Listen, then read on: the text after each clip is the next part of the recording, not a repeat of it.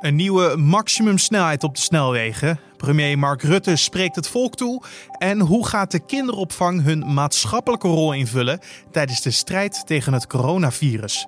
Dat hoor je in deze editie van Dit wordt het nieuws. dus voor de kinderen staan voorop, maar ook om de maatschappij aan de gang te blijven houden. Zorgen dat de dingen door kunnen gaan die op dit moment door zouden moeten gaan. Gistermiddag maakte de regering bekend dat vanaf vandaag ook scholen en de kinderopvang dicht zullen zijn in verband met het coronavirus.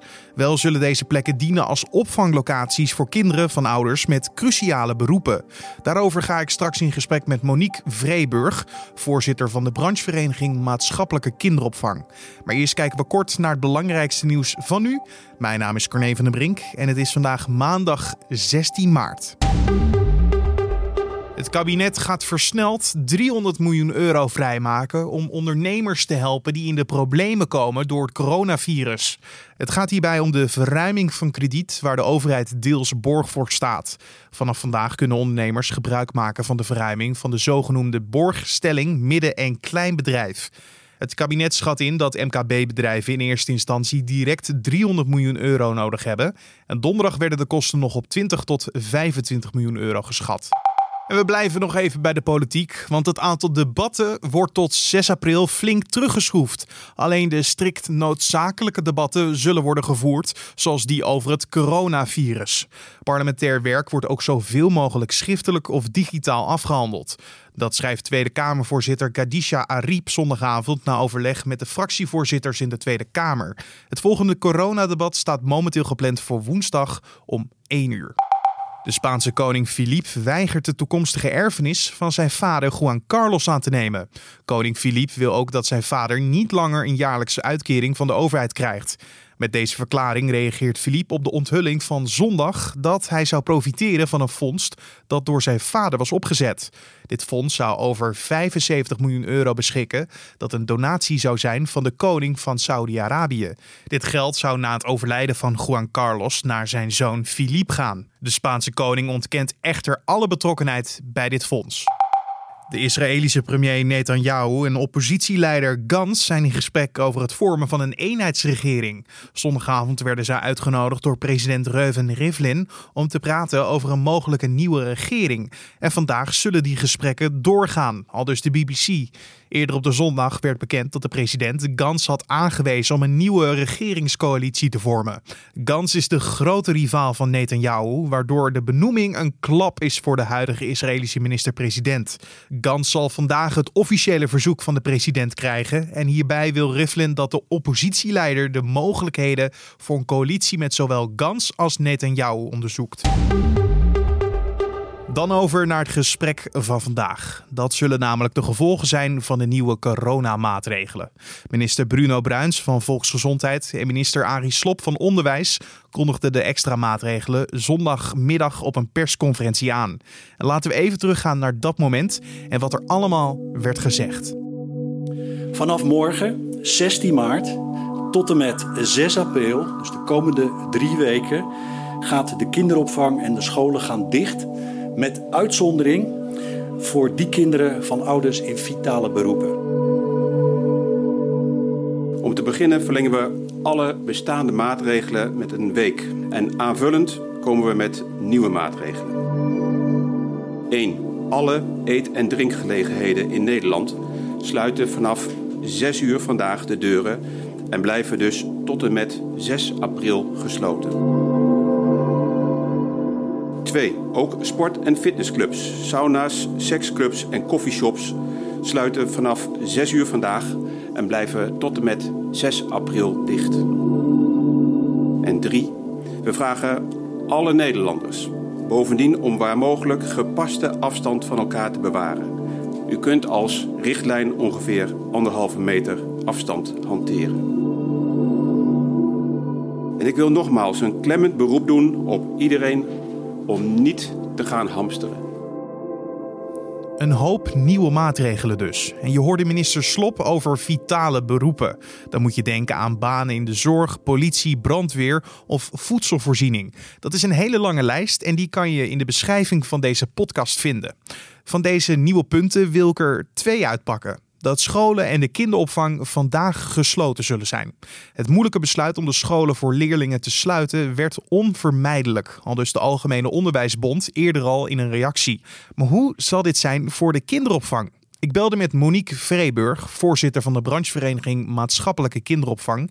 En ik vroeg haar of ze dit zagen aankomen. Uh, nou, wij waren al wel al. Wij zagen dit eigenlijk al aankomen. Dus wij waren al met elkaar in gesprek over wat we, hoe we het zouden moeten gaan organiseren. En wat we dan met elkaar graag zouden willen aanbieden als maatschappelijke organisaties en als maatschappelijk verantwoordelijk zijn voor met name mensen die in vitale beroepen werken, dat we daar een aanbod hebben gedaan al voor de uitzending van, uh, de, van de kabinet.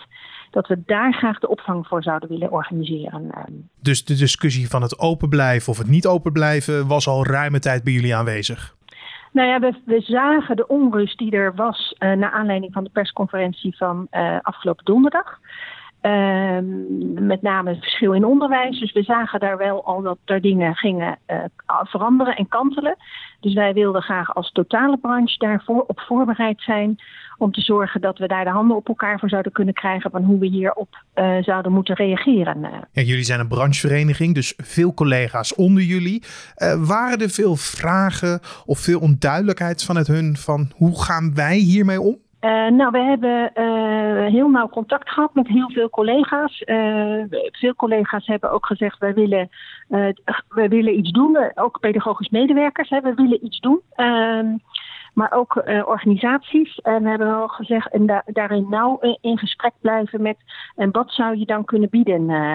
als, als alles dicht gaat, ja, waar wil je het dan wel open voor laten? dus dat, je kan niet met iedereen praten natuurlijk. Dat is nee. ook weer niet gebeurd. Uh, maar uh, dat we dit belangrijk vonden, is wel, hebben we wel al aan iedereen laten weten van veel mensen. ja. ja, en de kinderopvang gaat vooralsnog een aantal weken tot 6 april op een andere manier functioneren. Op welke manier precies? Nou, in principe is de, is de uitspraak die net ook in de, gisteren in de kerstpersconferentie conferentie geweest is: scholen en kinderopvang gaan dicht. Het enige waar we voor open blijven zijn kinderen van ouders die in vitale beroepen werken. En die vitale beroepen is uh, een hele uitgebreide lijst voor uitgebracht door, een, door externe partijen. En als mensen dus in die vitale beroepen werken, uh, kunnen ze dus een beroep doen op de kinderopvang van 0 tot 12 jaar. U zei aan het begin al dat jullie deze maatregelen eigenlijk al zag aankomen. Jullie zijn actief in de weer geweest met uh, oké, okay, wat moeten wij dan doen? Maar met wie hebben jullie toen samengewerkt? Nou, we hebben uh, met verschillende branchepartijen, dus het zijn verschillende kinderopvangbrancheverenigingen, maar ook de ouderpartijen hebben we hierbij betrokken. De ouder brancheverenigingen, zal ik maar zeggen, om te kijken van nou wat kunnen wij nou doen in deze situatie? Hoe kunnen we toch zorgen dat de ouders die werken in die beroepen, dat die uh, hun kinderen opgevangen zouden kunnen krijgen. Wij hebben daar een heel groot landelijk netwerk voor. Allemaal hele bevlogen, betrokken, professionele medewerkers. Uh, en die hebben we ja, wel gedacht, hoe zetten we dat nu in deze fase in, uh, zou ik maar zeggen. Ja, die, die plannen hebben jullie op papier gezet. Die hebben jullie uiteindelijk ook naar de staatssecretaris gestuurd. En uh, ja. hebben jullie het idee dat, dat alles uh, in ere is gehouden, dat alles is overgenomen? Nou, er zijn nog heel veel dingen die uh, ook door ons uh, uitgedacht en uitgewerkt moeten worden. Maar het basisplan zoals het er lag is overgenomen. En we gaan de komende dagen, weken nog met elkaar, ook met de staatssecretaris, heel actief nauw in overleg. Met waar, zijn nou, waar lopen we tegenaan? Waar moeten we de dingen oplossen?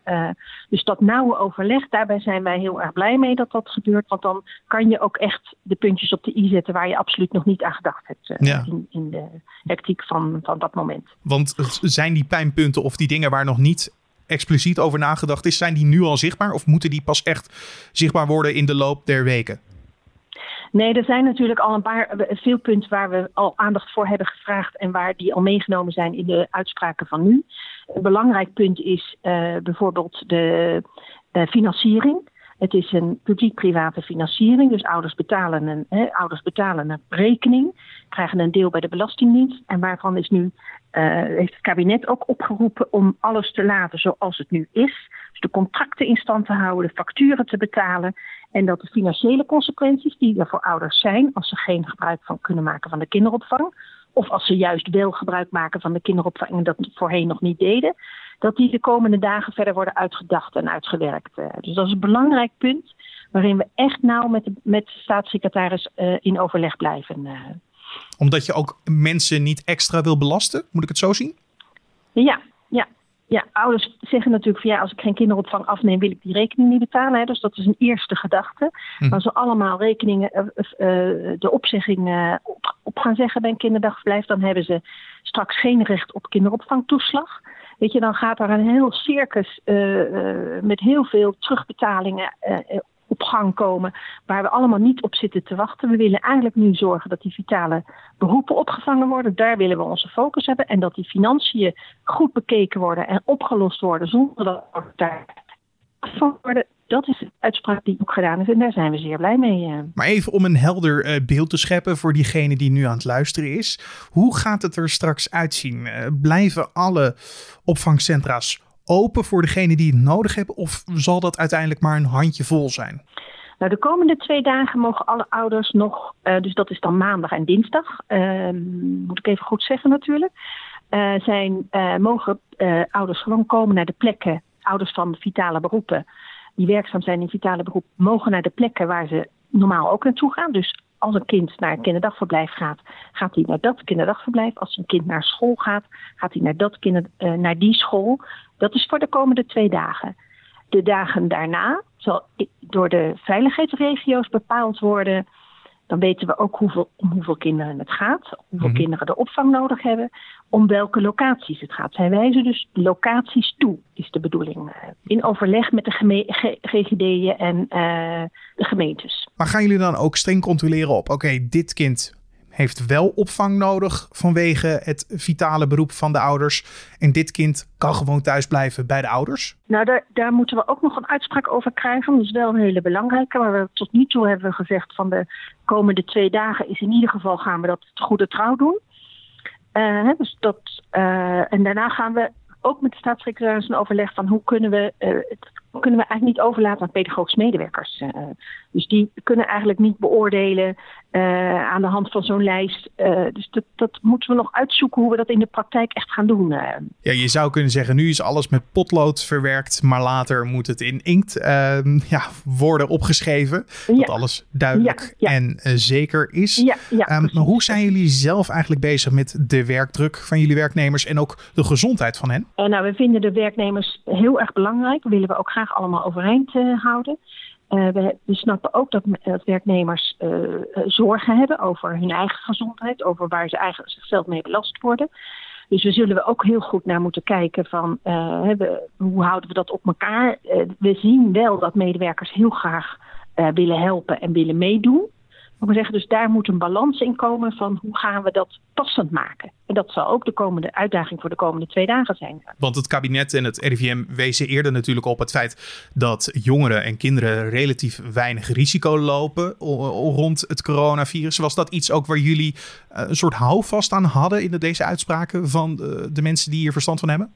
Ja, nou ja, eigenlijk zeggen ze natuurlijk nu dat ze het nog niet zo goed weten dat ze uh, daar wel onderzoek naar willen doen, met name in uh, Noord-Brabant. Dus dat is. Uh, hè, dan weet je meer, zal ik maar zeggen. Dingen niet weten betekent niet dat het ook zo is. dus daar gaan ze dan onderzoek naar doen. Dus dat is interessant. De zorg, we hebben in, in onze branche is niet de zorg heel duidelijk naar boven gekomen. Vooral we zijn bezorgd over dat we zelf ook kwetsbaar zijn. Ehm, niet in grote getalen, zal ik maar zeggen. Eh. Ja, gelukkig, want ik denk ook dat iedereen zo goed mogelijk en ook zo veilig mogelijk hun uh, werk zou willen doen. Nou ja, en we zullen, met, we zullen met, uh, ook met de medewerkers natuurlijk in gesprek blijven of, dat, of die positieve gevoel van de afgelopen week, of dat nog steeds zo is. Hè? Mhm. dat, ook daar kan je natuurlijk een verschuiving in gaan merken. Dus daar zullen we oog voor moeten hebben uh, hoe, hoe, dat, hoe deze maatregelen nou weer vallen bij pedagogische medewerkers. Het blijft natuurlijk een dialoog inderdaad. Ja, ja. ja, en als we even naar de afgelopen tijd kijken, dat Nederland al in de ban was van dat coronavirus. Hoe druk was het bij jullie toen? Als ik even het voorbeeld van Noord-Brabant uh, neem, die natuurlijk toch als, als centrum al uh, uh, aangemerkt was en waar ook veel gevallen waren, kon je zien dat er ehm, ehm, medewerkers ziek zijn, maar dat er meer kinderen ziek zijn dan medewerkers. Dus eigenlijk was het nog goed op te vangen, zal ik maar zeggen, tot op heden. Uh, dat zagen we ook wel in andere, andere delen van, van het land. Uh, uh, dus op de echt, uit, echte locaties, zal ik maar zeggen, is het eigenlijk ook best goed op te vangen geweest de afgelopen tijd. Het, het worden spannende tijden, ook voor jullie. Ook onduidelijke ja. tijden op dit moment hoe het eruit gaat zien. Alleen de wil om, om voor kinderen te zorgen en er klaar voor te staan, daar is niks aan veranderd, hè? Nee, maar ook het belang om de maatschappij, dus die vitale beroepen, dat zien we echt als een maatschappelijke uh, doelstelling die waar we ook voor zijn, zou maar zeggen. Dus voor de kinderen staan voorop, maar ook om de maatschappij aan de gang te blijven houden. Zorgen dat de dingen door kunnen gaan die op dit moment door zouden moeten gaan. Daar voelen wij ons ook verantwoordelijk voor. Je hoorde Monique Vreeburg, voorzitter van de branchevereniging Maatschappelijke Kinderopvang. En dan de nieuwsagenda voor vandaag. Ja, hij is sumier omdat eigenlijk alles draait om het coronavirus momenteel. Maar vanaf vandaag geldt ook officieel de maximumsnelheid van 100 km per uur op de Nederlandse snelwegen. Vanaf vrijdag gold de verkeersregel al op een aantal wegen waar de nieuwe borden al waren geplaatst. En overal in Nederland wordt de snelheid tussen 6 uur ochtends en 7 uur s avonds verlaagd naar 100 km per uur. En in de avond en nacht mag nog wel 130 km per uur worden gereden, waar dat eerder ook was toegestaan. De regering besloot in november vorig jaar de snelheid te verlagen vanwege de stikstofuitstoot en neerslag. En minister-president Mark Rutte spreekt vanavond het land toe tijdens een speciale toespraak op televisie. De toespraak staat gepland om 7 uur vanavond en zal gaan over het coronavirus. Naar alle waarschijnlijkheid zal hij ingaan op de moeilijke situatie waarin wij ons nu bevinden, op de noodzaak van de maatregelen die zijn getroffen en op de mogelijke verdere ontwikkelingen in de komende maanden. En dan het weer. De dag begint eerst zeer mistig, maar dan in de loop van de dag slaat het om en wordt het vrij zonnig. De temperaturen stijgen naar 10 tot 15 graden en er waait een zwak tot matige wind. En om af te sluiten nog even dit. Mocht je nou even helemaal klaar zijn met de moeilijke of hectische tijd waarin we ons nu bevinden, dan kan ik heel goed begrijpen dat je afleiding nodig hebt. Leuke afleiding. Voor mij was dat een videoproductie die ik zag van collega Lara Zevenberg van de entertainmentredactie. Omdat het nieuwe seizoen van Boerzoek Vrouw momenteel bezig is, gaat Lara op bezoek bij boeren uit de eerdere seizoenen om te vragen hoe het nu met ze gaat. In de aflevering die nu op nu.nl staat, gaat het om boer Geert.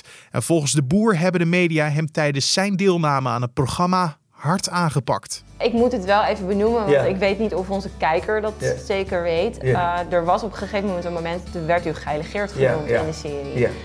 Hoe was dat? Ja, dat, is niet leuk. Nee. Ik bedoel, ik zeg, ik werk hier altijd met vrouwen en met meisjes. Mijn hele leven ook met mijn vrouw. Ik heb nooit een vrouw als meisje aangeraakt. Dus nee. ik denk, ik weet wie ik ben.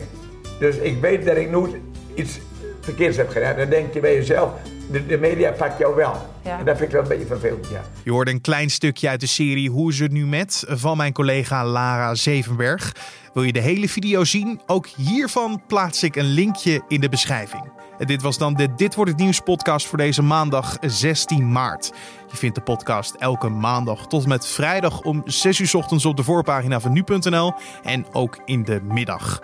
Daarnaast kan je deze podcast ook luisteren via je favoriete podcast-app, zoals een Spotify of een Apple Podcast of Google Podcast. Daarin kan je gratis abonneren en zo staat de podcast elke dag gewoon simpel, gratis en overzichtelijk voor je klaar.